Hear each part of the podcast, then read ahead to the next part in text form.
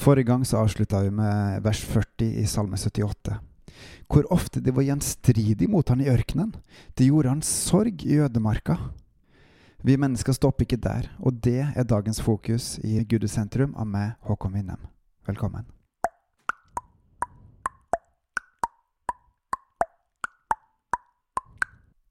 Hvor ofte de var gjenstridige mot han i ørkenen. Det gjorde han sorg i ødemarka. De frista Gud på ny og krenka Israels hellige. De mintes ikke hans hånd den dagen han forløste dem fra fienden, da han gjorde sine tegn i Egypt og sine under på Soans mark. Han gjorde deres elver til blod, de kunne ikke drikke av bekkene. Han sendte blodtørstige fluer som fortærte dem, og frosk som plaga dem. Han ga deres grøde til gnageren og deres avling til gresshoppen. Han slo deres vintrær med hagl og deres morbærtrær med haglsteiner. Deres fe overga han til hagl og deres jorder til lynild. Han sendte mot dem sin brennende vrede, harme, forbitrelse og trengsel, en skare av engler som brakte ulykke. Han ga sin vrede fritt løp mot dem. Han sparte ikke deres sjel for døden, men overgav deres liv til pesten. Gjorde Gud mot egypterne. Israel er Guds brud. Israel er Guds utvalgte brud. Og gjennom dem skal alle folkeslag på hele jorda velsignes og er velsigna i dag. Og forhåpentligvis er snart alle folkeslag velsigna. Men Israelsfolket, Guds brud, Guds utvalgte, de gjorde opprør mot Gud, de var utro mot han, og allikevel tok Gud seg av dem. Og det er det bare å se mer om i Fjerde Mosebok kapittel 21 og videre. Vers 51. Han slo alle førstefødte i Egypt, mannskraftens førstegrøde i Kams telt og han lot sitt folk bryte opp som en saueflokk, han førte dem som en jord i ørkenen. Han leda dem trygt, og de frykta ikke, men havet dekka deres fiender.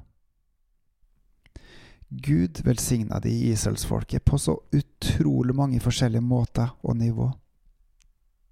Og allikevel så vendte han ryggen, om og om og om igjen vers 54. Han førte dem til sitt hellige landemerke, til det berg hans høyre hånd hadde vunnet. På tross av gjenstridighetene og ulydigheten til israelsfolket, så førte Gud Israel hjem til seg. Hva skjedde så? Han drev hedningene ut for deres øyne, og deres land skifta han ut som arv til sitt folk, og han lot Israels stammer bo i deres telt. På tross av gjenstridighet og ulydighet, Gud ga dem det lovede landet, den slekta som kom etterpå. Han velsigna de, og hva skjer? Men de frista Gud den høyeste. Hvordan klarte de det?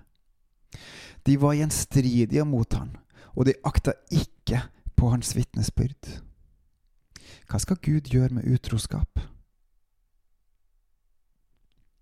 Både eh, i salmene og i salmers ordspråk så står det at å frykte Herren er begynnelsen på visdom. Selvfølgelig, hans kjærlighet driver frykten ut, men frykten må være i grunnmuren. Hvordan står det til med oss i dag, vi kristne i Norge i dag? Frykter vi Herren? Eller frykter vi mennesker? Vi høster det vi sår. Forkaster vi Herren, forkaster Han oss. Fornekter vi Herren, fornekter Han oss.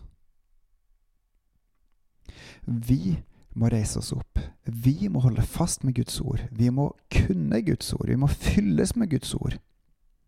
Vi må fylles med Guds ånd.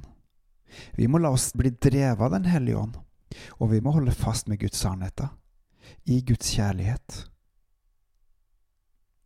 Frykter vi Herren, eller frykter vi mennesker? Tida framover vil vise det, hva det er som gjelder for hver enkelt av oss. Å Gud, må vi rett og slett falle ned på våre ansikt og tilbe det. Må vi velge deg, Gud. Må vi velge å stå fast med det, og finne vår glede og styrke og kraft i all motgang i det. Til din ære, og sammen med hverandre, av vi som har vår glede i det. Og må det igjen også hjelpe til å gjenreise murene rundt det som er ditt rike, det som er ditt folk. Og må det lyse og stråle fram din godhet og kjærlighet, sånn at andre får lyst til å komme inn og holde seg innenfor de oppbygde murene. Guds folk, reis dere.